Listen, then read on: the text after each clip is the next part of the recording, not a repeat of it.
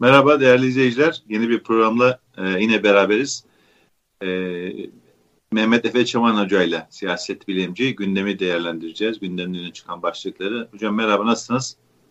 Merhaba teşekkür ederim Hamit Bey. Siz nasılsınız? Çok sağ olun. Çok teşekkür ederim.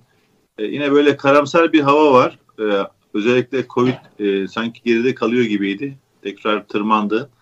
E, bizim bulunduğumuz bölgede birçok arkadaşın, birçok ailenin Covid ile e, mücadele ettiğini, eskiye göre, önceki yıla göre daha hafif atlatılıyor ama çok yaygınlaşmış durumda. Sizde nasıl? Kanada'da durum nasıl? Sizin ailede durum nasıl? İyisiniz şu an. Aynı şey. Çok teşekkür ederim. Yani ailece e, şu an için bir sıkıntımız yok çok şükür ama e, Kanada genelinde de sizin e, Amerika'daki e, yani eğilimler ve grafiklerle benzer grafikler ortaya çıktı maalesef. Nüfus yoğunluğunun çok olduğu yerlerde de bizim gibi nüfus yoğunluğunun daha az olduğu e, eyaletlerde de benzer bir şey var. Çok yoğun bir e, vaka artışı. Yani pandeminin başından itibaren hiç bu kadar yükselmemişti. Mesela bizim bulunduğumuz yerde e, yüzde birlere yüzde ikilere çıktı. Yani enfekte olmuş insan sayısı. Dolayısıyla tabii ki e, hepimiz e, endişeliyiz. E, ümit ediyoruz ki halk sağlığı tedbirleri e, gene e, işe yarasın ve yavaş yavaş da olsa azaltalım. Grafiği düşürmeye çalışalım. Grafik eğrisini. Siz booster oldunuz mu? Booster denilen o üçüncü aşıyı. Oldum. Ben de oldum. Biz de ailece yani daha doğrusu ailece değil eşimle beraber olduk. Ee, bir hafta kadar oldu. Çocuklar hala bekliyor. Çocukların iki aşısı var. Ee, ikisi de 12'nin üstünde olduğu için onlar e, üçüncü aşıyı da olabilecekler. Ama onun e, on, o üçüncü aşıları için yeşil ışık bekliyoruz. Ama biz booster olduk. Üçüncü aşımızı olduk eşimle beraber. Evet yani aşılı olanlar e, en azından hastaneye gitmeden e, çok ciddi tehlikeli duruma düşmeden atlatıyorlar gördüğüm kadarıyla. Bazen evet. bir, bir iki gün yatırıyor. E, ama e, aşısı olanlar, aşısı olanlar çok büyük bir e, yük oluşturmuş durumda e, sağlık sistemi üzerinde. Amerika'da da geçen gün e, bir e, araştırma sonucu yayınlanmıştı. 13 e, milyar dolar e, daha çok hastaneye gidenler aşısı olanlar. Hmm. E, onun için çok büyük bir e, meşgul ediyor yani sağlık sistemini vesaire.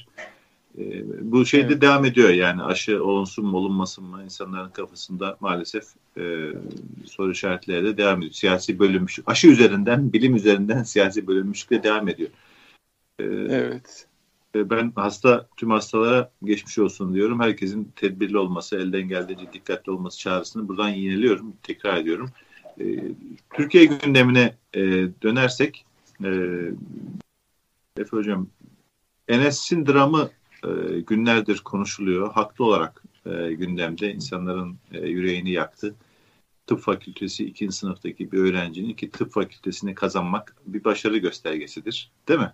Evet, Ve evet, e, ayakları hayatında garanti e, etmiş oluyor. Yani doktorluk e, Türkiye'de hele en e, evet. garantili işlerden biri. Böyle bir başarı göstermiş bir çocuğun e, böyle bir bunalıma düşmüş olması herkesi e, şoke etti, üzdü ve olayla ilgili siyasi, e, bilimsel, e, medyatik birçok e, yönleri var. E, siz de e, izliyorsunuz, takip ediyorsunuz olayı. E, evet. Karşılıkları nasıl görüyorsunuz? Yani olması gerektiği gibi konuşulabiliyor mu? Yoksa her konuda olduğu gibi yani beni biraz yadırgatan tavırlar var. Böyle yasakçılık tekrar hortluyor falan. Evet. E, indirgemeci, böyle genellemeci e, yaklaşımlar.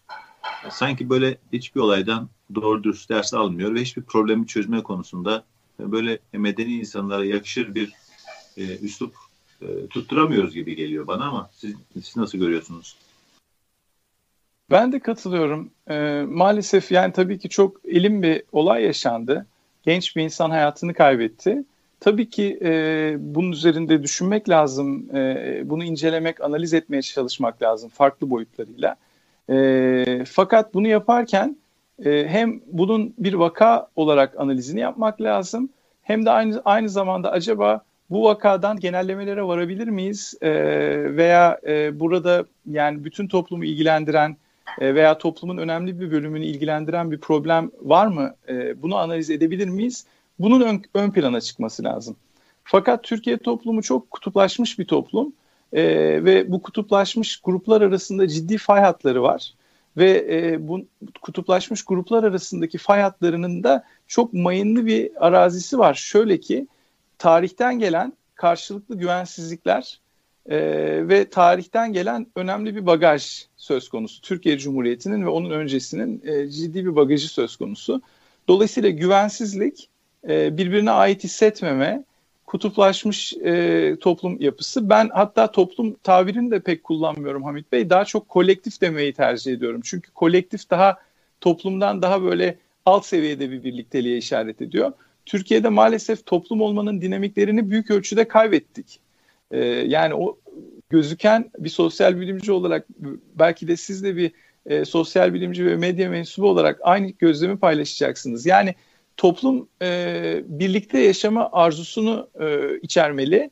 Ortak geleceğe ilişkin e, projeksiyonlar, hedefler içermeli. Yani toplum olmak çok kolay bir şey değil. Bir sözleşmesi olmalı toplumların falan. Bir arada yaşama dinamiği oluşturmalı. Türkiye'de sanki zoraki birliktelik olan bir kolektif var gibi. İnsanlar tabii ki bu kolektifin dışına çıkıp başka bir yere gidemiyorlar. Ama birlikte yaşamaktan haz etmiyorlar, mutlu değiller. Enes olayında sanki bu biraz ön plana çıktı. Yani e, biz bu e, vatandaşımızı, bu genç arkadaşı neden kaybettik e, ve bunun e, tekrarlanmaması, bu, bu, bu tür hadiselerin tekrarlanmaması için neler yapmalıyızdan ziyade acaba birbirimizi nasıl karşılıklı olarak dövebiliriz? Daha fazla nasıl kutuplaşabiliriz? Bunun e, sanki kavgası veriliyor gibi. Bu çok e, düşündürücü ve üzücü bir şey aslında. Evet çok acı. Yani e, muhalif çevrelerdeki e, dil e, dini olan işte cemaatti, tarikatti ne varsa bunların eğitimdeki varlıkları e, vesaire yasaklansın, kapatılsın, sallandırılsın yani. e, Taksim meydanında sallandırılsın ve yasakla mesele çözebilir yaklaşım var. İktidarda da, iktidar e, çevrelerinde de yani bir örtbas edelim e, konuyu. Mesela işte Gün Işığı diye Elazığ'da gün, konuyu gündeme getiren e, gazetenin e, haberine şu anda erişilemiyor.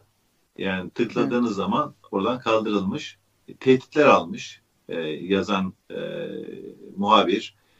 E, gazeteye büyük baskı var. E, Elazığ civarında 10-15 gün boyunca tüm gösteriler e, vesaire yasaklanmış. Haberlere e, yayın yasağı getirilmiş. Yani bu bu da şeyin standart e, tavrı iktidarın. Yani bir sorun olduğu kesin burada. Bunda cemaatlerin rolü de olabilir, dini grupların rolü de olabilir. Ailenin problemi olabilir. Yani hakikaten e, ve herkesin başına gelebilir. Her e, kesimde de olabiliyor bu. Yani solda da oluyor, sağda da oluyor. İntihar gerçekten e, acı psikolojik bunalım yani. E, askerde de oluyor. Mesela askerde belki en evet. çok intihar yerlerden biri ama kimse TSK'yı kapatalım e, demiyor. Evet. Ya da işte poliste evet. intihar vakaları oluyor. Yani onun için e, bu yasakçı e, kafayla e, bir yere varlamayacağını özellikle bizim çağdaş ilerici çevrelerin e, anlamayışını e, hayretle karşılıyorum. Mesela e, başörtüsü, irtica biliyorsunuz önceki dönemde e, en büyük evet. sorun irticaydı. E, Kemalist çevrelerin ne bileyim belki liberal demeyelim de ilerici diyelim çevrelerin. Ona karşı evet. buldukları çare de başörtüsü yasaydı. Yani başörtüsünü yasaklayalım. Başörtülü e, kadınlar üniversiteye giremesin, memur olamasın, mesele çözülür e, şeklindeydi. İşte 28 Şubat süreci bunun e, özetiydi yani neredeyse. Ama şimdi geldiğimiz noktaya bakın. E, o başörtülüler e, iktidar oldular. E, yani şimdi başka bir problem e, doğmuş oldu. Onlar da dini evet. özün, özünden soyutlayarak irticayı e, insan haklarında, hukukta, memleketi geri götürme konusunda her alanda yarışıyorlar. Yani demek ki evet. yasakçılık işe yaramıyormuş öyle değil mi hocam? Yani ben de aynı fikirdeyim. Ee, yani ben sorunu tek tipleştirmeci yaklaşım olarak görüyorum. Ee, bu gerek e, işte devlete egemen olan grupların, e, siyasi çevrelerin devlet kanalıyla devleti enstrümanlaştırarak tek tipleştirme politikaları, gerekse de e, kendilerini devlete karşı e, muhafaza etmek, korumak gereği hisseden grupların kendi içlerinde oluşturmuş oldukları tek tipleştirme dinamikleri. Yani bunlar birbirini tetikliyor aslında. E, sosyolojik olarak bence olay acaba neden tek tipleşmeye bu kadar temayül eden, bu kadar meyilli bir toplumuz? Bunu belki sormak veya sorgulamak lazım. Çünkü tek tip olmak e, sadece e, iyi bir şey olmamakla kalmıyor. Aynı zamanda çok rasyonel bir beklenti de değil tek tipleşmek. Çünkü yani tarih boyunca e, son yaklaşık işte e, 100 bin yıldır insan e, ırkının gelişimine baktığınız zaman ki son 10 bin yılda uygarlaşma süreci bu son 10 bin yıl içinde hiç böyle tek tip monolitik bir insan grubu olmamış tarihte. Yani ne Roma İmparatorluğu döneminde ne e, işte Orta Çağ döneminde ne farklı farklı kültürel işte Çin uygarlığı, İslam uygarlığı, e, Batı medeniyeti bunlarda hiç böyle bir tek tipleşme yok. Olamıyor. Neden? Çünkü biz insanlar e, birbirimizin söylediği şeylere çok katılmaya eğilimli bir e, tür değiliz. Akıllı olduğumuz için, zeki olduğumuz için tür olarak. Yani birine mantıklı gelen veya birine hoş gelen öbürüne hoş gelmeyebilir. Ve bunu kabul etmek çok önemli bir şey. Şimdi ben şuraya bağlamak istiyorum bunu. Tabii bunu devlet eliyle yapmak siyasi bir problem. Yani faşiz, faşizm gibi ideolojileri, otoriter rejimleri e, akla getiriyor. Fakat bunun e, daha mikro ölçeklerde, gruplar dinamiğinde e, veya çeşitli işte vakıflarda, yurtlarda, eğitim sisteminde falan tezahür etmesi ayrıca düşündürücü ve e, bunun tedavileri, bunun çareleri üzerinde durmamız lazım. Aile de buna dahil. Yani ailelerin çocuklara yaklaşımı. E, Enes'in ailesinden hareketle söylüyorum. İşte onun e, ailesi biraz daha çocuğun kendi gelişimine olanak tanıyan, ona biraz daha nefes alma fırsatı tanıyan bir yapıda olsaydı belki Enes bugün aramızda olacaktı. Ya da Enes'in kaldığı yurt. Yani şimdi o yurt yurdun dini bir yurt olması veya Çağdaş Yaşamı Destekleme Derneği'nin yurdu olması arasında çok bir fark yok. Yani önemli olan şu. E, herhangi bir vakfın ya da herhangi bir siyasi görüşe temayül eden bir grubun veya dini bir görüşe temayül eden bir grubun açtığı bir yurt olabilir. Bu yurtta insanlara bir aktivite de sunabilirsiniz. Yani bu, bu yurt örneğinde, Enes'in kaldığı yurt örneğinde yani dini bir eğitim vermek istemişler. İşte namaz kılmalarını, ibadet etmelerini vesaire şeyleri teşvik etmek istemişler ama bu teşvikten öteye geç, geçmiş. Sanki bir baskı ortamı oluşmuş. Yani şunu demek istiyorum. Bu tip yurtlarda bence tabii ki gençlere bir takım e, yol haritaları veya imkanlar, olanaklar, faaliyetler düzenleyebilirsiniz. Ama gençleri buna bunu yapmaya zorunlu kılmak veya yurtta kalmanın ön koşulu haline getirmek çok yanlış bir şey. Çünkü e, Enes örneğinde görüyorsunuz yani çocuk e, çok mütedeyyin bir aileden geliyor ve ailesi de e, işte bahsettiğimiz yurdun e, yurdu açan cemaatin e, 20-25 yıllık bir üyesi veya destekçisi neyse takipçisi ve e, fakat Enes e, bir şekilde bir birey olarak o yolu seçmiyor başka bir yol seçmek istiyor hayatında. Yani belki dindar olmayacak e, ki yani dinini reddettiğini falan söylemiş e, demecinde. Ve e, buna rağmen o yurtta kalması ve o yurtta e, işte ibadet etmeye mecbur kalması veya belirli kitapları okumaya mecbur kalması bence sıkıntılı bir şey. Şunu düşünüyorum Hamit Bey, e, her şeyin başı temel hak ve özgürlükler. Yani din özgürlüğü, dini yayma özgürlüğünü ve örgütlenme özgürlüğünü kapsar. Hiçbir şekilde cemaatlerin veya e, tarikatların veya başka dini grupların kapatılması söz konusu olamaz. Yani özgürlükçü bir ortamda ve liberal bir demokraside. Bu tasvip edilebilecek bir şey değil. Hiç kimse de zannediyorum böyle bir şeye öykünmez yani. Hani e, öykünülen, özlenilen ülkelere baktığınız zaman hep din özgürlüğünün yerleştiği ülkeler.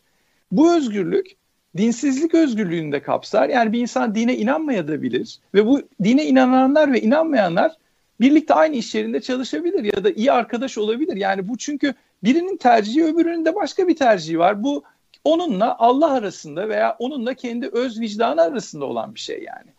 Ama evet. bunu kurumsal anlamda baktığımız zaman işte cemaat örneğinde veya e, yurt örneğinde baktığınız zaman tabii ki e, o yurtta belli bir dini temayül var. Ama o dini temayülü yerine getirmeyen, o dinin gereğini yerine getirmek istemeyen bir çocuk da orada kalabilmeli. Ben şu örneği veriyorum. Yani ben Almanya'da ilk 1-2 sene 91, 92, 93'te e, Kolping e, yurdunda kaldım. Yani Adolf Kolping e, Augsburg Üniversitesi'ne e, yakın bir yurttu ve Katolik kilisesine bağlı, daha doğrusu Katolik eğilimli olan bir yurttu.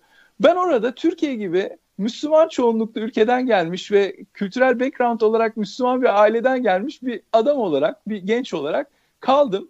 Ee, imkan olarak istesem onların şapeli vardı veya işte dini e, günlerinde toplanıp ayinleri vesaireleri oluyordu. Ama yani hiç bu böyle bir baskı unsuru burada kalacaksan geleceksin gibi bir hiçbir şey olmadı. Ve ben 2-3 evet. sene kaldım o yurtta. bir defa bile hiç zorlanmadım veya teklif bile etmediler. Yani şeylerini asarlardı sadece. Yapacakları faaliyetleri asar ilgili olan o saatte gider o bulunacağı odada veya mekanda onlarla birlikte olurdu. Yani şunu demek istiyorum. Ben hala onlara büyük bir e, hürmetle ve saygıyla yaklaşıyorum. Bana be, bana saygı duydukları için o dönemde ve hala hayırla yad ediyorum onları. Şimdi bu yani eğer hizmet, yurt açma hizmeti, hayır hizmeti ise bana göre bütün insanlara, bütün gençlere açmalı. Enes gibi mesela din, dinden soğumuş olan bir çocuk belki öyle bir hoşgörü ortamını görseydi çok farklı bir tercihte de bulunabilirdi. Bir de bu olasılık üzerinde düşünmek lazım. Evet, dinin din özne de baskıcılık e, çok uygun değil aslında ama hangi din anlayışına yani dinin hangi anlayışına bağlı olduğumuza e, bakarak değerlendirilebilir bu. Yani işte Taliban geçen gün bir e, videosu yayınlanmıştı. Uzun saçlı birisini e, tokatlıyorlar, hakaret ediyorlar bir genci. Şimdi orada evet. Taliban dini temsil ediyor. Karşıdaki evet. de onlara göre belki dinden çıkmış falan gibi kabul ediyor ama yani o dinin ruhuna hangisi daha uygun aslında e, evet. tartışılır. Yani e, dini Yunus gibi mi anlayacağız, Mevlana gibi mi anlayacağız yoksa Taliban gibi mi anlayacağız? Evet. Bu her evet. ideolojisinde geçerli bu. Ben biraz baktım e, hocam böyle e, yani bu acı e, dram intihar olayları ile ilgili acaba dini baskı e, önemli bir yani raporlara yansımış mı diye Türkiye'deki intihar vakalarında böyle belirgin bir şey yok. Yani bilimsel olarak evet. konuşacaksın. E, tüm intihar olaylarını önünüze koyacaksınız değil mi? Yani evet, hangi faktörler hangi faktörler baskın olarak öne çıkıyor? Yani işte e, aile ilişkilerindeki problemler e, öne çıkıyor. Ondan sonra ekonomik sorunlar e, öne çıkıyor. E, bazı psikolojik problemler öne çıkıyor. Fakat yani dinle alakalı böyle alarm veren bir şey yok. Evet Hamit Bey çok haklısınız. Özellikle biraz önce şey dediniz ya o Taliban'ın e, saç kesme örneğini verdiniz. Aslında biraz da olayın karikatür ve mizahi yönüne de bakmak lazım. Oradaki o videoda ben şuna dikkat ettim. E, o genç e, adamın saçlarını kesen yani saçları uzun sonuçta İslami bir şey değil. Belki de öyle bir şey algılamışlar. Fakat saçı saçı kesen Taliban e, e, askeri mi diyelim artık e, veya milisi mi diyelim onun da saçları uzundu. Yani aslında o iki genci ikisi de genç tabii. İkisini aslında alın yan yana getirin açtırın saçlarını. Hiçbir fark yok ikisi arasında. Çok üzücü bir şey. Yani bunun e, ben ben şöyle görüyorum. Türkiye'de o kadar çok ortak noktalarımız var ki. Yani dindar olalım, dindar olmayalım veya işte Türk olalım, Kürt olalım, Alevi olalım, Sünni olalım. İşte ne bileyim kırsal kesimden gelelim, kentte doğmuş büyümüş olalım. Ama yani aramızdaki farklar belki yüzde bir veya yüzde birden daha azdır. Yüzde 99 yani aynı sofrada otursak, aynı ortamda bulunsak birbirimizle şakalaşırız, güzel konuşuruz. Yani birlikte olmaktan haz ederiz. Yani toplum olma dinamiklerini beraberimizde getiririz. Ama nedense böyle gruplaşma olduğu zaman bir karşılıklı nefret, bir karşılıklı ötekini denetim altına alma e, refleksleri devreye giriyor. Bu çok yanlış ve bence hani Enes'in belki ölümü tabii ki çok üzücü bir şey ama bizi düşünmeye sevk edip aslında tek bir güzel bir e, topluluk, insan topluluğu olduğumuzu bize anlatırsa, bizi bunun altını çizerse belki de olumlu bir sonuca vardırır. E, bilmiyorum siz ne düşünüyorsunuz? Evet yani e, işte dediğim gibi genelleme yapmadan e, bilimsel e, yöntemlere olduğunca saygı içinde davranarak yani e, diyelim intihar bir acı bir vaka, dramatik bir olay. Buna neler yol açıyor? En çok hangi faktörler etkili? Bunlar üzerinde nasıl e, çalışılabilir, nasıl düşünebilir? Aileler bu olaydan her her ailede çocuklar var değil mi? Yani Enes'in olayını yaşarken, evet. Dramını izlerken her aile kendini bir gözden geçirmesi gerekiyor. Yani benim bir baba olarak e, ne yapıyorum, evet. ne ediyorum, çocuklarımın e, ne yaptığından, duygu dünyalarından haberim var mı? Acaba istemedikleri bir şeyi baskı yapıyor muyum diye e, düşünmem lazım. Eğitim kurumlarının, dini grupların, laik kurumların fark etmez. E, bundan dersler e, çıkarması lazım ve böyle her olaydan bir puan çıkarmaya çalışma e, refleksi çok e, can sıkıcı. Ve bir de yani bu sosyal olayları böyle dediğim gibi yasakçılıkla, e, refleksif e, tavırlarla düzeltebileceğini sanmak da e, böyle e, bir akılsızlık, bir akıl tutulması gibi geliyor bana. Bu açıdan bu e, Kılıçdaroğlu'nun e, tepkisi çok hoşuma gitti. Bilmem gördünüz mü siz de? Yani e, bu olayda bir evet. dram e, yani bilimsel e, makalelere bakıldığı zaman bu tür vakaların üzerinde nasıl durulması gerektiğine dair uyarılar var. Onları dikkate alarak siyasi bir konu almaya çalışmayacağım e, gibi bir e, tweet atmıştı, bir mesaj paylaşmıştı. Hoşuma gitti.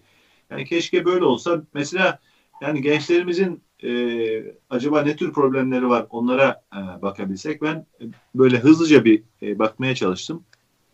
E, yani anketlerde e, Türkiye'de şu anda yaşayan gençler işte Z kuşağı deniyor yani başka kuşaklar deniyor. Onların duygu dünyaları nasıl Türkiye'de olup bitenlerden memnunlar mı e, diye asıl e, bu dersi e, çıkarmamız gerekir diye düşünüyorum. E, hocam Kasım 2021'de İstanbul Ekonomi Araştırma e, diye bir e, yapı, bir e, oluşumun yaptığı araştırma gençlerin yüzde 61'i e, Türkiye'deki yani şu anda araştırmaya katılan gençlerin yüzde 61'i daha iyi bir yaşam için ülkeyi terk etmeyi tercih ettiklerini söylemişler. Evet. Ve yüzde 83'ü ekonomik durumları ile ilgili endişe içinde olduklarını söylüyorlar gençler. Yani rakamlar ve istatistik göstergeler asıl e, tehlikeye e, işaret ediyor. Bu arada bu genel olarak gençlerle ilgili yapılmış bir araştırma. Bir de başka bir araştırmaya karşılaştım. Bu da e, en başarılı e, okullarda okumayı hak kazanmış. İlk bine girmiş e, gençler üzerinde e, bir araştırma yapmışlar. Bu da yani hemen geçen senenin sonuna doğru yapılmış bir araştırma. Orada da yani bunlar Boğaziçi'ni, ODTÜ'yü, Bilkent'i vesaire kazanmış e, gençler. Yüzde sekseninin söylediği şu, Efe Hocam, dönmemek üzere ülkeyi terk etmek istiyorum. Yüzde sekseni. Yüzde seksen. Yani bunu yani Türkiye'yi hem yönetenlerin hem muhalefetin e, aklı eren herkesin üzerine düşünmesi gereken tablo bu. Evet. Yani ne kadar nutuk atarsanız, ne kadar parlak diziler çekerseniz çekin, e, işte sizin çocuklarınız, bizim çocuklarımız e, o ülkeyle ilgili, o ülkenin getirmiş olduğu durumla ilgili değerlendirmeleri bu. Yani bu tablonun konuşulması gerekmiyor mu? Kesinlikle bu tablo çok ürkütücü Hamit Bey ve bunu konuşmamız lazım. Ee, açıkçası hani sizin benim ve bizim gibi yüz binlerce insanın da Türkiye'den çıkma veya Türkiye dışında yaşam kurma gerekçeleri, nedenleri de bununla alakalı aslında. Tabii ki bu gençler belki ilk etapta ekonomik ve sosyal koşulları düşünerek e, işte bu e, yapılan kamuoyu araştırmaları veya anketler e, böyle sorular sorarlar. Çünkü çok politize etmezler Türkiye'deki politik durumdan dolayı. Ama bence bu gençlerin bu tutumu, bu e, tepkileri e, yani birinde yüzde altmışların üzerinde, öbüründe yüzde seksenlerin üzerinde evet. yurt dışına gitme e, temayülü, eğilimi e, son derece anormal bir rakam. Yani bu tip rakamlara mesela e, Avrupa Birliği ülkelerinde veya işte daha e, yaşanılabilir diyebileceğimiz tırnak içinde ülkelerde bu tip anketler yapacak olursanız bu oranlar hep yüzde on ve yüzde ondan daha az e, şeyde çıkar, az oranlarda çıkar. E, ürkütücü, düşündürücü. Ben şunu düşünüyorum yani acaba hani siz bunu anlatırken kendi kendime düşündüm acaba bunun sebebi ne olabilir? Tabii elimde bilimsel bir veri falan yok ama tahmin ediyorum e, insanlara göründüğü gibi olmak ve olduğu gibi görünmek fırsatlarını çok sunmamaya başladı Türkiye toplumu. Yani oldukça baskıcı bir ortam var. Bunu sadece belli bir bir grubu, iki grubu, üç grubu e, göz önüne alarak söylemiyorum. Toplum genelinde, toplum satında çok geniş anlamda farklı dünya görüşlerinden, farklı siyasi eğilimlerden olan gruplar e, kendi tabanlarına ve kendi tabanları dışındaki e, insanlara ciddi anlamda bir e, ya ya da yani ya siyah ya beyaz gibi bir dünya sunuyorlar. Ve bakın 21. yüzyılda şunu görüyoruz. Çok farklı kimlikler, çok e, kendini farklı tanımlayan, e, bireysel anlamda farklılıklarını kimlik öğesi haline getiren e, çok çok farklı gruplar ortaya çıkıyor. Yani bu illa e, hemen insanların aklına LGBTQ e, falan gibi şeyler gelir ama sadece bu değil. Yani siyasi anlamda da kendini mesela belli bir gruba konumlay konumlayamayan insanlar var. E, işte veya ne bileyim hayat tarzları açısından çok farklı marjinal hayatlar yaşayan Yani gerek dindarlık anlamında gerekse e, öbür spektrumun öbür tarafında yani çok dinden uzak hayat tarzları seçen insanlar var. Bunlar normal şeyler ve bence e, gençlere özellikle kim olduklarını tanımlamalarına fırsat vermemiz lazım. Bunu anne babalar olarak yapmamız lazım olduğu kadar devlet olarak, toplum olarak da toleranslı olmamız gerekiyor. Hepimiz gençken yani bakın ben 18 yaşındayken, 17 yaşındayken çok farklı bir dünyada yaşıyordum. Yani ne bileyim çok aşırı sol düşüncelerim vardı. Ne bileyim böyle işte devrim, sosyalizm falan okuduğum kitaplardan etkilenmiş. İşte e, Erdal Öz'ün Gülünün Solduğu Akşam kitabını okumuş. İşte ne bileyim e, e, Kıvılcımlı'nın kitaplarını vesaire. Ve bakıyorum şimdi 50'li yaşlardaki 50 yaşına gelmiş olan Efe'ye çok farklı. Ama benim ailem mesela benim bu düşüncelerime tolerans gösterdi. Hatta belki yani çok zor babam tahmin ediyorum çok zor zamanlar geçirdi. Ben çok böyle isyankar işte babasına falan höt söt sürekli e, tartışan falan bir adamdım. Ama yani bugün geldiğim noktada zannediyorum mülayim insan olduğumu düşünüyorum. Yani hani insanları anlamaya gayret ediyorum evet. falan. Buna fırsat verelim ya. Yani en eski bir çocuklar veya işte o ülkesini terk etmeyi düşünen çocuklar onlara e, siz farklı olabilirsiniz. Üzülmeyin. Yani biz size anlayış göstereceğiz diyen bir toplum olursa e, sadece ekonomik gerekçeler değil çünkü bence o baskı ortamından biraz kaçmak istiyorlar. Yani biraz böyle kendi istedikleri hayatı yaşayabilecek, daha özgür olabilecek bir e, ortam hayal ediyorlar.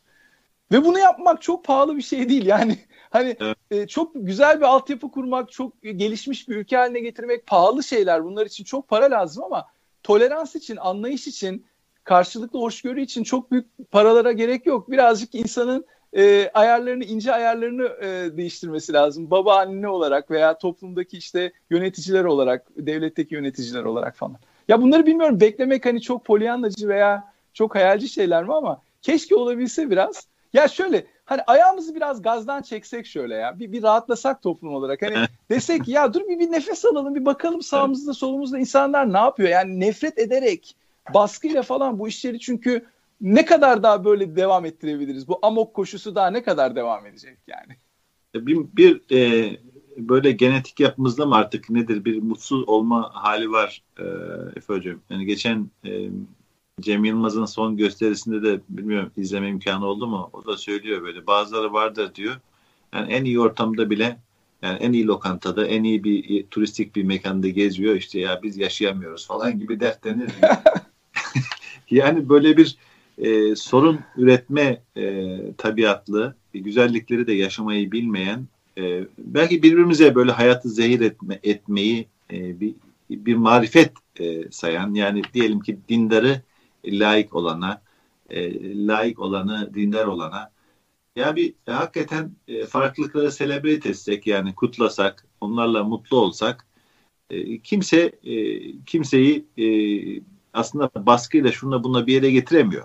Ya işte e, evet. bu Kemal proje yani değil mi Türkiye Cumhuriyeti'nin e, Atatürk'ün belki özlemi işte herkesin e, senfoni dinlediği e, türkülerin belki iş kulla, kulla, yani rafa kaldırıldığı değil mi? Sanat müziğinin evet. ortadan kalktığı falan belki bir e, ülke olacaktı.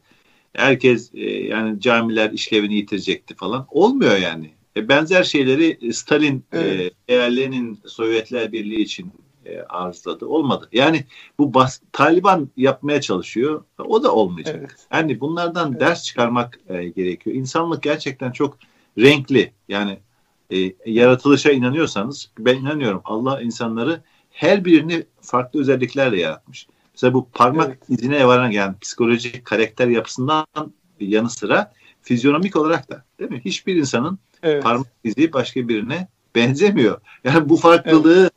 Ortadan kaldırmaya çalışmak aslında yani inanç açısından bakarsanız Allah'a karşı bir başkaldırı. Yani evet. böyle farklı yaratmış. Farklı çiçekler olması bir yerde bir bahçede bir zenginlik. Aynı şekilde insanların da farklılığından e, zevk almaya çalışalım. Yani bunu herkes herkes bir başkasını kendisine benzetmeye çalışmasın. Aslında daha kolay evet. olan mutlu olmak yani. Herkesin farklılığına saygı de... duymak, mutlu olmak. Onun için ben evet. dinden e, gençleri, e, inançlı insanları e, yani dinden çıkmaya gerek yok. Din içinde Taliban gibi bir yorum var, IŞİD gibi bir yorum var ama koca bizim topraklarımıza damgasını vurmuş Yunus gibi, Hacı Bektaş gibi, Mevlana gibi yorumlar da var. Lütfen yani evet. E, o o kanala bakın. Nasıl e, diyelim ki ben, sosyal, ben de şey diye düşünüyorum. Yani sosyal e, demokrasi için anlayacağım. Tamamlayayım. Yani sosyal demokrasi e, yani komünizmden, sosyalizmden etkilenmiş refah devletleri de var. İşte Pol Pot gibi Kamboçya'da bunu şey yapmış. Tabii. Çin'deki gibi başka insanları ezen, kültürleri yok etmeye çalışan uygulaması da var. Onun için her ideoloji evet. içinde iyi de var biraz, e, kötü de var. İyilere bakmak lazım.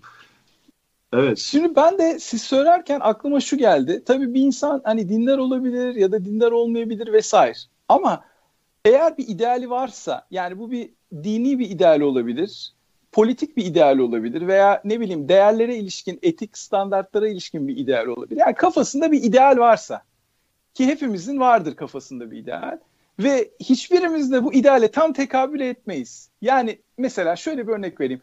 Çok iyi bir Hristiyan mesela çok e, Hristiyan ideallerine inanan veya Musevi ideallerine inanan bir mümin e, kendi dininin ideallerini tam anlamıyla reflekte edemez, yansıtamaz e, mutlaka. Çünkü İnsanlar kusurludur. Aynı Eyvallah. şekilde çok iyi bir çok iyi bir e, sosyal demokrat veya e, ateist olup işte değerler evreni açısından çok özgürlükçü olan bir insan da inandığı değerler evreninin bütün güzelliklerini, bütün işte iyi, hoşgörülü şeylerini de yansıtamaz. Şunu demek istiyorum.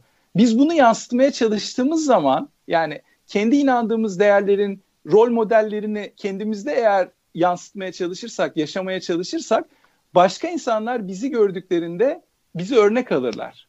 Yani buradan şu kıssayı çıkarmaya çalışıyorum.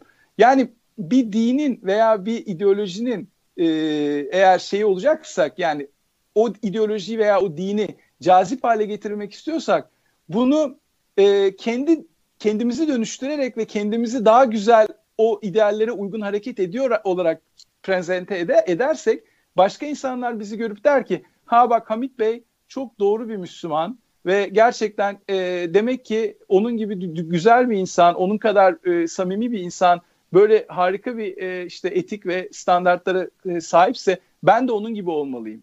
Yani demek istediğim şu. Burada önemli olan herhangi bir din, herhangi bir şey değil. Yapacağımız, olmak istediğimiz iyi insanın en iyisi olmaya kendimiz çalışmalıyız. Başkalarını zorla ona dönüştürmeye çalışmamalıyız. Onu demek istiyorum yani. Evet, bizim daha çok meşguliyetimiz başkalarıyla ilgili. Başkalarını adam etmeye çalışıyoruz. Aynen. Halbuki, aynen.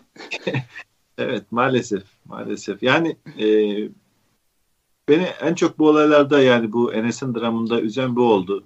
Ders almayışımız, çözüm e, yani sorunları, sosyal sorunları çözme konusundaki o genellemeci, baskıcı, yasakçı tavır. Sağıyla soluyla yani maalesef e, bunun üzerine durmuş olduk. E, bu arada e, bu yurt dışına gitme meselesini gençler istiyorlar ama Ahmet Altan farklı bir e, yaklaşım sergiledi. Herhalde e, Fransız e, haber ajansına röportaj vermiş. Bugün e, tenlere düşmüş, internet sitelerine düşmüş haberi. Ahmet Altan diyor ki ben hapiste de olsa e, ülkede kalmayı tercih ederim e, sürgüne. E, biz öyle bir e, o tercihin diğer tarafındayız. Onun için bilemiyorum. E, Ahmet Altan'ı çok e, seviyorum. E, hakikaten e, saygı saygıdeğer e, bir isim. Yine de e, her türlü riski göze alarak, Türkiye'de kalarak e, söylenmesi gerekenleri söylüyor. E, sağ olsun. Ama e, yani Türkiye'de e, kalmanın tercih olmadığı, e, hayatı kararacak e, gelecek vaat etmeyen e, bir manzara görüyorsa insanların o gençlerin olduğu gibi yani yüzde 83'ü gibi e, çıkmak da bir tercih. Dünya geniş. Yani orada kalıp psikolojik bunalımlara girecekseniz ya da çok ağır e, travmalar yaşayacaksanız çıkmak da bir tercih. Fakat Ahmet Altan farklı bir boyutta yaşıyor. Ben e, gerekirse hapiste kalırım fakat çıkmam diyor. Dikkatinizi çekti mi sizin de hocam? e, Ahmet Altan. Çok dikkatimi çekti ve çok tabii ki etkileyici bir e, mesaj. Hani karşıma bu böyle bir mesaj çıktığı zaman e, yani dürüst olmak gerekirse kendi kendimi sorguladım. Dedim ki yani sen ne yapıyorsun? Ama sonra aynı ses, o vicdan bana şunu dedi. Yani sen Ahmet Altan değilsin ve seninle Ahmet Altan arasındaki fark da bu zaten. Yani çünkü ben açık söyleyeyim ben bu mücadeleyi Türkiye'de böyle veremezdim yani bu kadar böyle bir demokrasi mücadelesini. Benim iki tane küçük çocuğum var, e, eşim var ve benim Ahmet Altan kadar sağlam bir aile altyapım yok yani. E, yani peder bugün yaşıyor olsaydı belki bir derece. Yani o gidip şu anda e, Tayyip Erdoğan'ın kapısını çalıp sen ne yapıyorsun benim oğluma diyen bir adamdı o. Yani öyle bir giderdi gerçekten hani samimi söylüyorum bunu. Bizim peder ve bugün hapiste olurdu muhtemelen yaşasa. Ama ben artık öyle bir ortamda değilim. Öyle bir baba, öyle bir e, çevre de beni desteklemez. Ailemin çoğu beni reddetti zaten veya arkadaş çevremin. Şunu demek istiyorum. Ahmet Altan'ın çok sağlam bir e, arka planı var. E, sosyal çevresi var bilemiyorum Ahmet Altan yani çok memnunum Ahmet Altan dışarıda ve benim e, en takdir ettiğim yani Türkiye'de bugün bu demokrasi mücadelesinin, hak mücadelesinin ba- bana göre ilk yani sıradaki insanı Ahmet Altan. Fakat Ahmet Altan adı olmayan başka Ahmetler veya Mehmetler gibi e, onların aileleri gibi bilmiyorum işkence gören e, veya işte Meriç'i geçerken ölen, hayatını kaybeden veya aile boyu e, Zippenhaft uygulamalarla e, açlığa mahkum edilen insanlarla aynı konumda değil. O çok ünlü bir yazar, çok değerli bir aydın ve bir nevi dokunulmazlığı var. Çünkü bütün dünya ona ne oluyor ne bitiyor bakıyor sürekli olarak. Ama adı olmayan, sanı olmayan e, zavallı insanlar Türkiye'de çok eziliyorlar ve bunların sayıları milyonları buldu. Yani aile bireyleriyle birlikte 8 milyona yaklaşıyor. Dolayısıyla istisnai olarak bu noktada Ahmet Altan'a katılmıyorum. Yani böyle bir ortamda mücadele edeceğim deyip Don Kişotluk yapmak belki Ahmet Altan gibi bir insan için mümkün ve çok saygı duyulması gereken bir tavırken ismi olmayan birçok zavallı için ailesini kurtarmak, çoluğuna çocuğuna ekmek götürmek veya perspektif vermek gelecekle ilgili evet. çok daha önemli e, bana göre yükümlülükler ve sorumluluklar gibi geliyor. Yani e, Ahmet Altan kendi baktığı e, pencereden e, önemli bir şey söylüyor. Bence yani benim aldığım ders şu oldu. Hangi konumda olursanız olun yani ister sürgünde, ister hapiste, ister Türkiye'de e, ama hapis dışında olun. O bulunduğunuz konumu değerlendirmek bence en önemlisi. Yani o bulunduğunuz e, vaziyette e, hukuka, insan haklarına, demokrasiye, insanlığa e, elinizden geldiğince katkıda bulunmaya, bulunuyor musunuz yoksa e, bu görevinizi ihmal mi ediyorsunuz? Yani bunu bazı insan sürgünde e, yapabilir. Bazı insan e, hapishanede yapabilir. Nitekim Ahmet Altan bunu hapiste de pekala yapılabileceğini gösterdi. Zaten iddiası oydu ya. Yani beni hapsedebilirsiniz ama fikirlerimi hapsedemezsiniz dedi. Kaç tane kitap yazdı. Kitapları 20-30 dile çevrildi. Yani aslında e, kendisini cezalandırmaya çalışanları en iyi şekilde o cezalandırıyor. E, yani hep her e, benim aldığım ders bu oldu gerçekten ama dediğiniz gibi herkes için geçerli bir kural değil. Mesela Ahmet Altan belki tanınmışlığından belki sosyal çevresinden dolayı yani onu hapiste tutuyorlar ama mesela kızına e, karışmadılar yani şükür ki karışmadılar. Evet. Ama diyelim ki e, eski polis müdürü e, Ali Fuat Yılmazer e, kızı avukat e, fakat beraber hapiste şu anda. Yani sırf kızı evet. olduğu için. Ya birçok insan evet. var. Belli, belli bir soy ismini taşıdığı için mesela Gülen soy ismini taşımak suç yani. Evet. E, o insanın orada kalması, kalmaya devam etmesi e, açıkça e, imkansız gibi bir şey yani.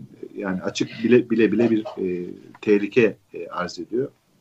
Onun için e, benim benim aldığım ders herkes e, bulunduğu konumu en iyi şekilde değerlendirmekle e, sorumlu.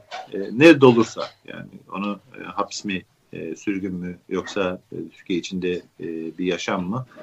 E, Türkiye'deki e, tartışmalı ortamda devam ediyor siyasetle ilgili. Ona isterseniz biraz e, değinelim. Bu e, Erdoğan'ın son çıkışı çok tuhaftı. E, Efe Hocam yani e, yine herhalde seçimle bağlantılı bir e, çıkış. Demirtaş'ı Öcalan'a şikayet ediyor. yani Türkiye Cumhuriyeti Cumhurbaşkanı sıfatını taşıyan kişi çıktı dedi ki e, Edirne'deki İmralı'dakine hesap verecek.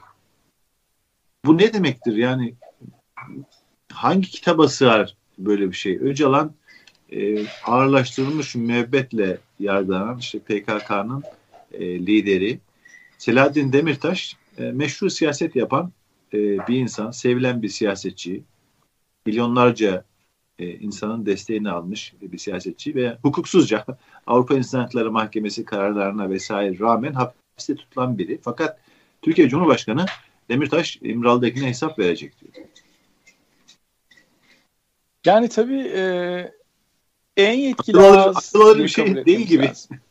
Efendim? En yetkili ağız yani Cumhurbaşkanı en yetkili devletin en üst seviyesindeki en yetkili ağzın e, devletin kendi deklare etmiş olduğu bir numaralı düşmanına devletin izin vermiş olduğu ve anayasal düzenine uygun olan meşru bir partinin lideri olmuş suçsuz masum olarak da fabrikasyon gerekçelerle hapse atılmış olan bir siyasi lidere bak seni biz devlet düşmanı olarak gördüğümüz adama yediririz, ham yaptırırız diye mesaj vermesi e, sadece siyasi etik olarak veya o liderin karakterini e, ayan beyan ortaya koyan bir örnek olarak değil.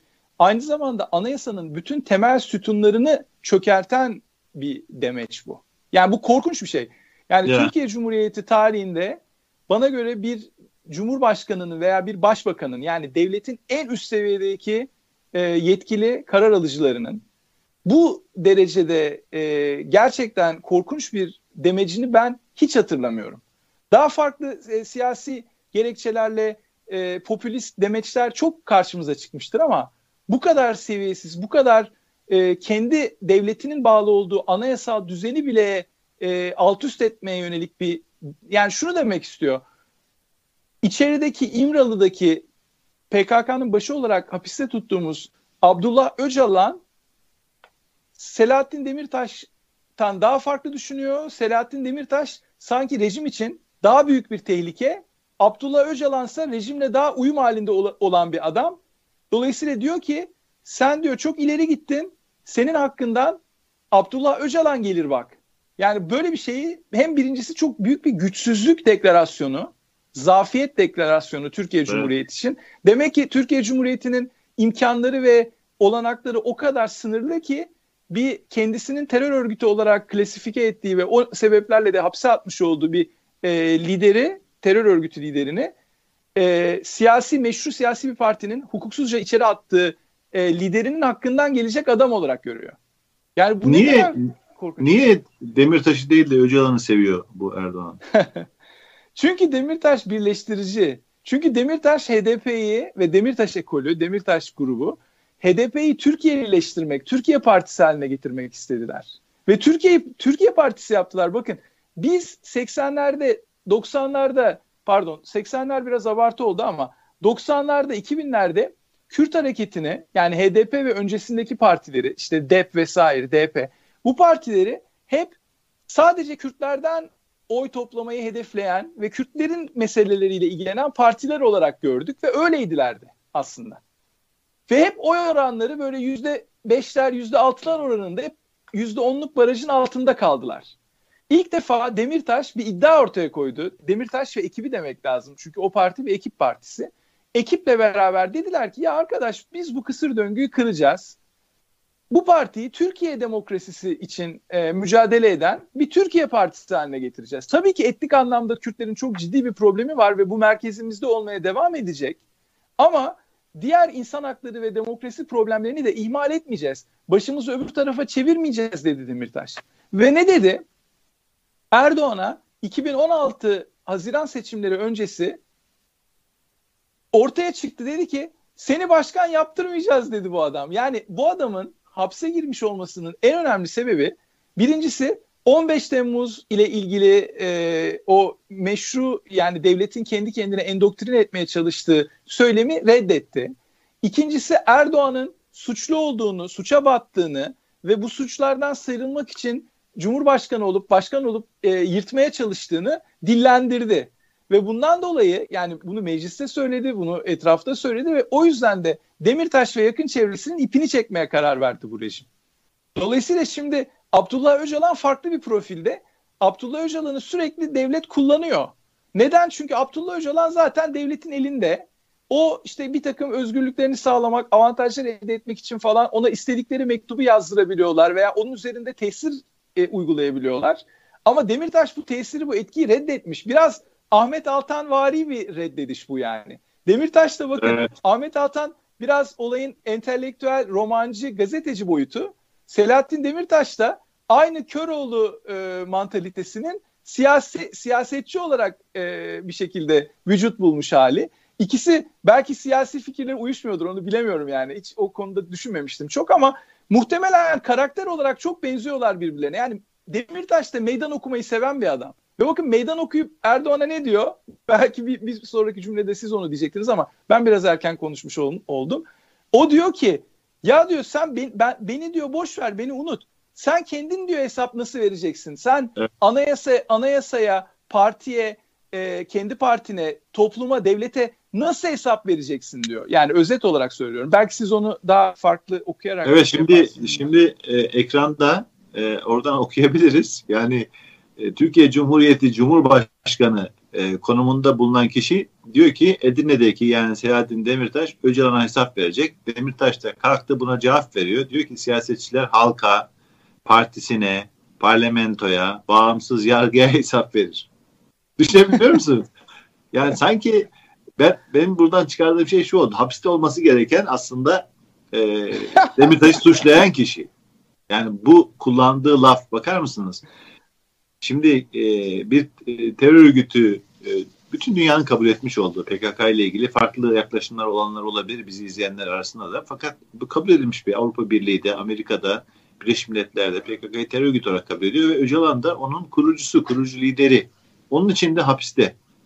Şimdi düşünebiliyor musunuz? Milliyetçilik, Osmanlı'yı işte ortaya yeniden çıkarmak, canlandırmak falan filan diye edebiyat yapan e, ve bundan baya bir insanı kandıran bir siyasetçi meşru alanda siyaset yapan birisini değil de şeyi yandaş olarak seçiyor. Yani böyle bir terör örgütünün evet. liderini yandaş olarak seçiyor.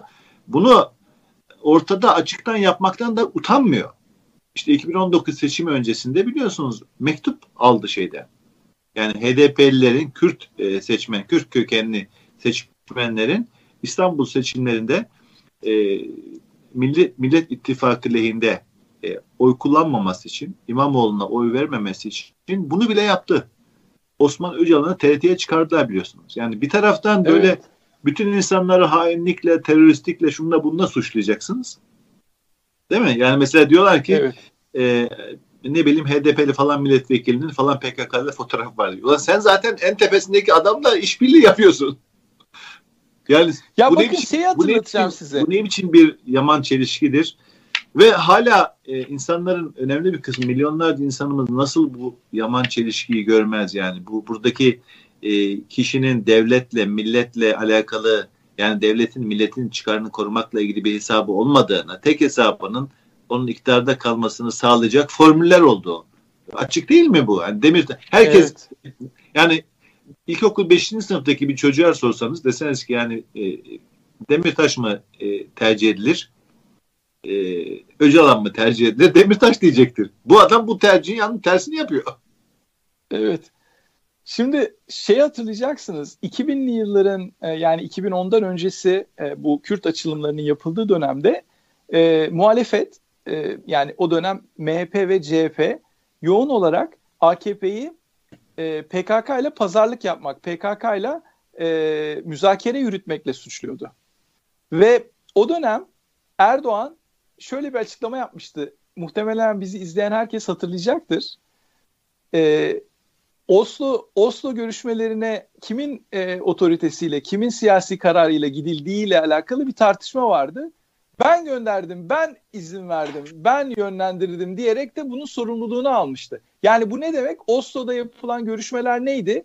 Milli İstihbarat Teşkilatı'nın veya işte devletin görevlendirmiş olduğu müzakerecilerin PKK'nın Kandil'den göndermiş olduğu müzakerecilerle aynı masada oturup biz bu Kürt sorununu nasıl çözeceğiz diye yani ve PKK'ya nasıl silah bıraktıracağız diye yaptıkları müca, e, müzakerelerdi.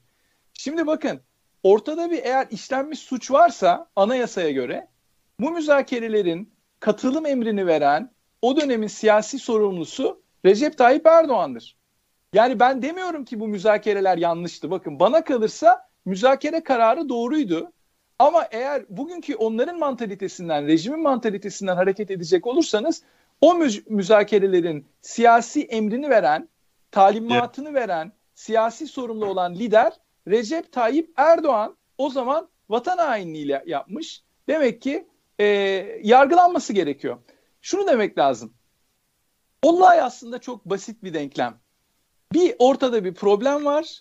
Bu problemi, bu probleme yaklaşım siyasi e, kadroların acaba biz buradan nasıl nemalanırız beklentileriyle şekilleniyor.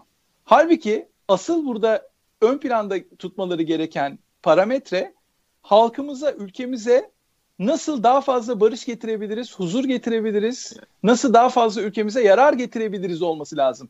Gerçek vatanseverlik, gerçek anayasa severlik, gerçek milliyetçilik budur. Gerisi palavradır. Yani eğer siz e, rüzgar rüzgar gülü gibi rüzgar soldan estiği zaman sağa, sağdan estiği zaman sola dönen bir çark gibiyseniz sizin ne bir liderliğiniz vardır ne bir halkınıza veya ülkenize beş kuruşluk faydanız olabilir. Ben şunu gördüm. Demirtaş'ın hapishanede yapmış olduğu açıklama bana göre çok daha başkanvari bir açıklama. Çok daha devletli bir açıklama. Cumhurbaşkanı Recep Tayyip Erdoğan'ın yaptığı açıklama ise çok daha pespaye, çok daha açığa, açığa çıkmış böyle yani kendi çıkarlarını ne kadar ön planda tuttuğunu deşifre eden korkunç bir ihanet açıklaması.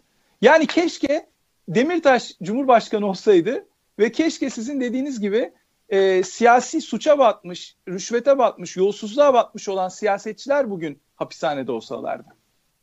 Evet yani ben e, isterim açıkçası nasıl e, Amerika'nın en önemli sorunlarından biri e, bu ayrımcılık, e, köle, e, siyahilerle ilgili sorunlardı. Sonra Obama e, Cumhurbaşkanı oldu, devlet başkanı oldu ve çok önemli bir ilerleme olarak görüldü. Yani Türkiye'nin de en önemli sorunlarından, en önemli kangrenlerinden biri Kürt sorunu. Keşke böyle Demirtaş profilinde biri Türkiye'ye e, Cumhurbaşkanı olsa layıktır ve Türkiye'nin çözümüne de katkıda bulunabilir. Gerçekten Erdoğan'ın açıklamasını ben de bir kriminal açıklama olarak gördüm. Yani hapisteki bir hapis, suçlu bir insan böyle konuşabilir.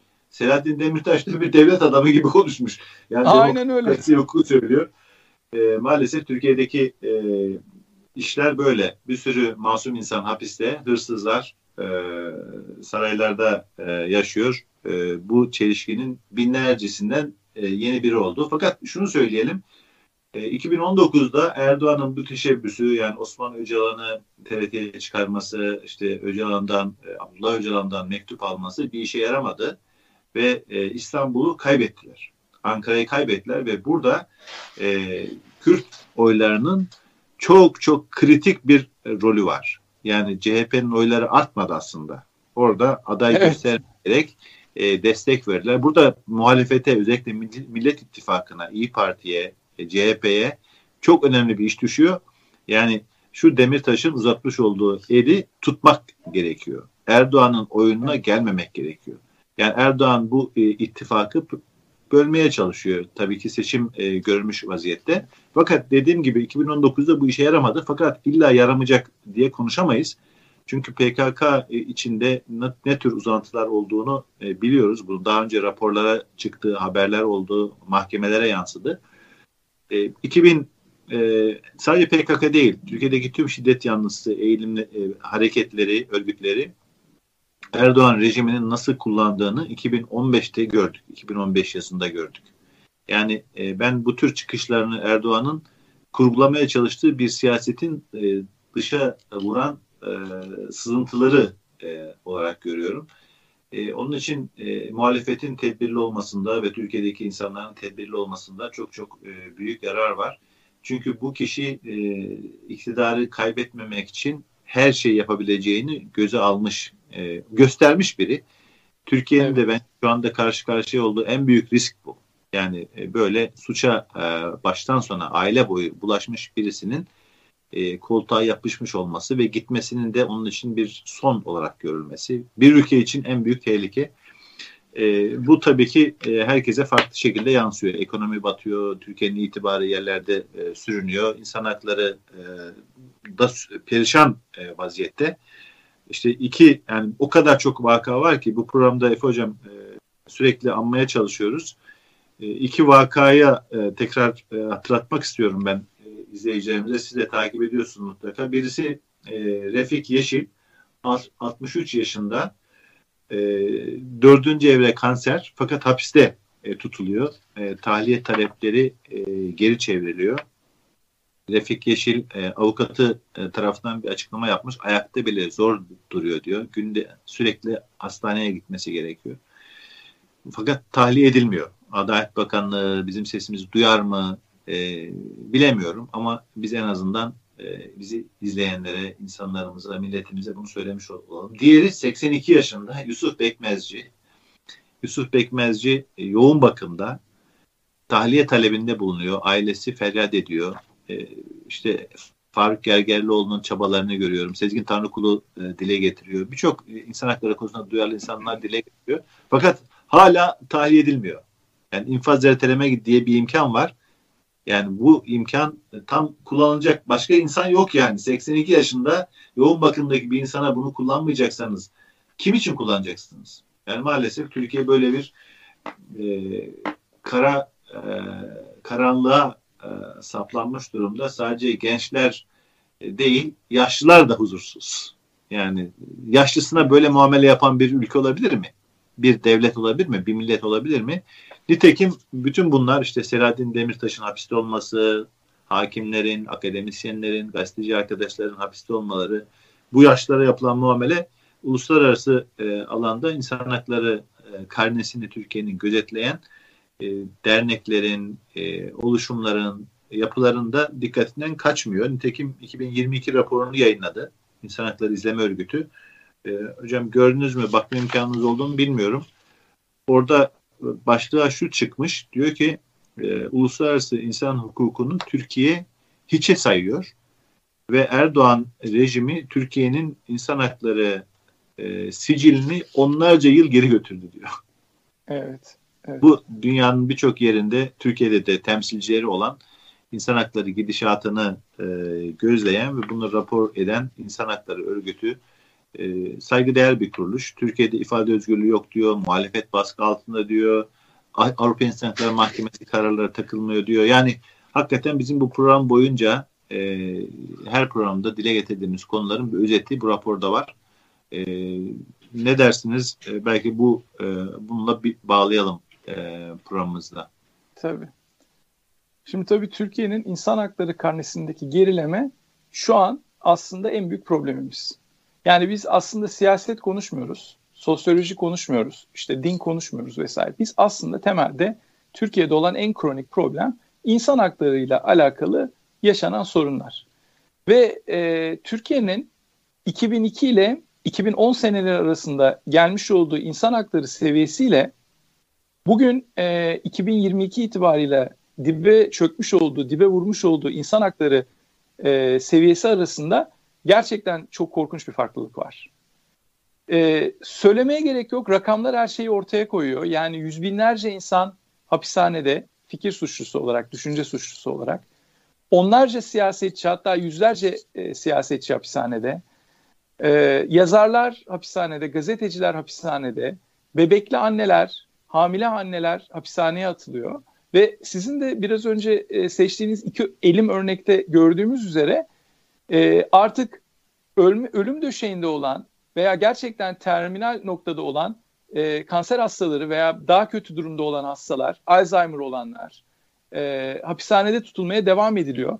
Yaşları dikkate alınmıyor, sağlıkları dikkate alınmıyor, mevcut pandemi ortamı dikkate alınmıyor vesaire. Bunların bunların tek bir açıklaması var. Çok gaddar bir rejimle karşı karşıyayız. Yani ben bunu hani kuru böyle laf kalabalığı yapmak veya edebi kaçsın diye söylemiyorum. Gaddarlık gerçekten tedavisi güç bir şey. Çünkü e, yani böyle bir gaddarlık nasıl olabilir? Ben şey anlıyorum bir takım grupların siyasi olarak hedef alındığı farklı dönemler oldu Türkiye'de. Darbe dönemleri oldu, ara rejimler oldu vesaire. Ve farklı siyasi gruplar, bireyler veya dernekler, işte partiler e, hedef alındılar ve e, hapse atıldılar.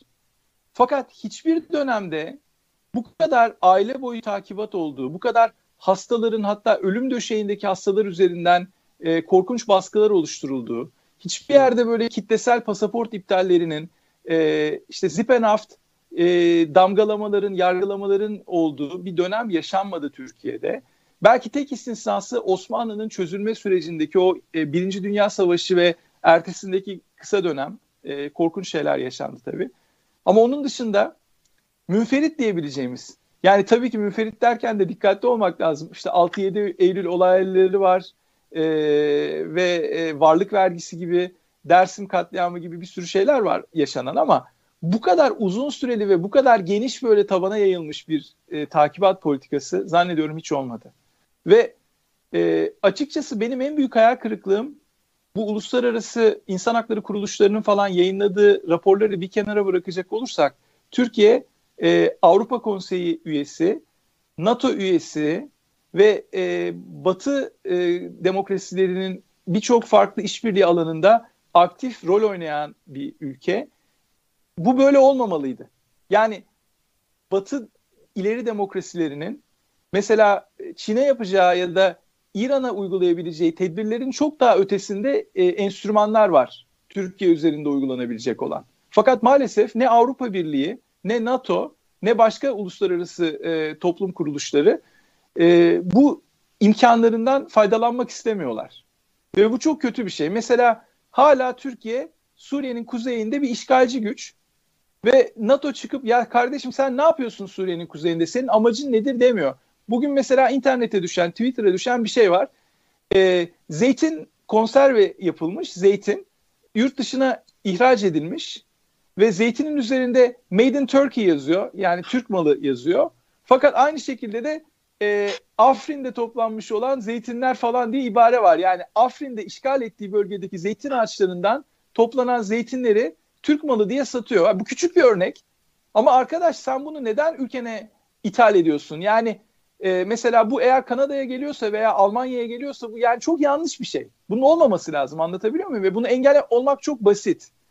Bunun gibi önlemler alınmalı Hamit Bey. Türkiye yaramaz bir çocuk gibi hani arsız yaramaz bir çocuk gibi hiçbir cezai müeyyideye hiçbir yaptırıma tabi olmadan istediği gibi arşınlıyor etrafı. E böyle olursa ces- cesala- cesaretlendiriyorsunuz.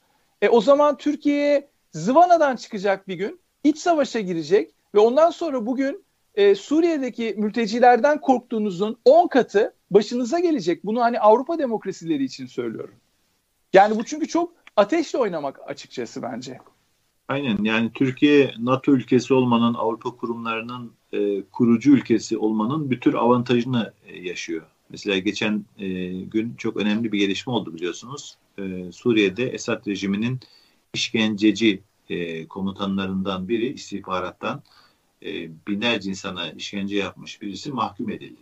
Müebbet hapse e, muhabbet hapisle cezalandırıldı Almanya'da.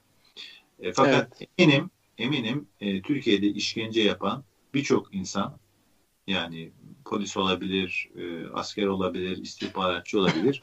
Bunlar tatillerde Avrupa'ya gidip dolaşıyorlardır. Çocuklar da güzel güzel. Amerika'ya gidip geziyorlardır. Yani maalesef bu konuda bu insan hakları raporunda bunları tespit etmek çok güzel. E, bunları e, üzerine gidilmesi çağrısında bulunmak çok güzel. Fakat dediğiniz gibi Avrupa'nın, Amerika'nın, demokratik dünyanın yapabileceği birçok şey var. Bunlar e, yapılmıyor. Yani Suriye konuşulduğu kadar, e, ne bileyim Rusya konuşulduğu kadar e, konuşulmuyor. Bu da bir e, acı gerçek.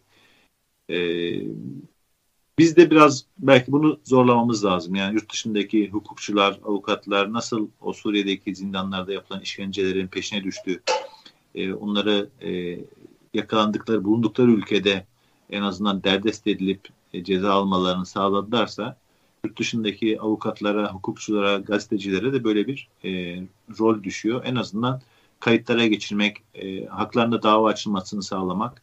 Devletler maalesef e, dediğiniz gibi çok e, adil e, oynamıyorlar oyunu. Yani Türkiye'nin evet. elinde bazı kozlar var. Suriyeli mültecileri tutuyor, Avrupa'ya geçine engel oluyor. İşte incirlik üstünden kullandırıyor Amerika'ya. E, yetiyor yani.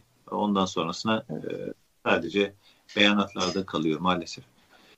E, Cem konuşacak çok mevzu var e, ama programımızın e, zamanını açtık bile. E, vakit ayırdığınız için çok teşekkür ediyorum. E, çok sağ olun. E, Estağfurullah. Yani, ben çok teşekkür ederim Hamit Bey. Haberler üzücü ama e, böyle e, acı olaylar e, sürekli yaşanıyor. Türkiye'de belli bir dönem yaşanmıyordu ise inanın Türkiye'nin belli bölgelerinde bunlar yaşanıyordu. Belli kesimler yaşıyorlardı. Dünyanın her yerinde belli zamanlarda bu tür e, kaoslar, e, zulümler e, oluyor. Bir tür insan insanlık tarihin bir parçası. Onun için burada e, bir taraftan e, tabii ki karanlık olayları, acı olayları dile getiriyoruz. E, mücadele eden tarafta olmak, doğru tarafta olmak e, en önemlisi. E, şuna da inanmak lazım. Netice itibariyle e, ışık karanlığı yenecek. Yani evet. doğru, yanlışı, e, haklı olan, yalancı olanın mutlaka e, önüne geçecek bir gün hesaplarda sorulacak. E, bu umudu e, yitirmememiz lazım. E, bunun da tek yolu e, mücadeleden geçiyor. Yani herkes bulunduğu şartlar neyse işte Ahmet Altan'ı konuştuk. Hapishane hücresinden kitaplar yazdı. E, Efe Hocam e, Kanada'dan yayınlara katılıyor, yazılar yazıyor. Sürgünde pes etmedi. Biz bir şeyler yapmaya çalışıyoruz. Herkese e, düşen görev var. Yani bir videoyu izlemek, tanıtımına katkıda bulunmak, belli farklı insanlara ulaşmasını sağlamak bile e, bir hizmet olabilir. E, ufak bir reklam da yapmış olduk bu arada. E, evet, e, de, değerli izleyiciler size de vakit ayırdığınız için teşekkür ediyorum. E, yorumlarınızla, e, eleştirilerinizle, önerilerinizle bize ışık tutarsanız, e, tutuyorsunuz. E, memnun oluruz. Desteklerinizi her zaman bekliyoruz. E, sağlık ve muhabbetle kalın diyorum. E, yeni bir programda görüşmek üzere. Hoşçakalın.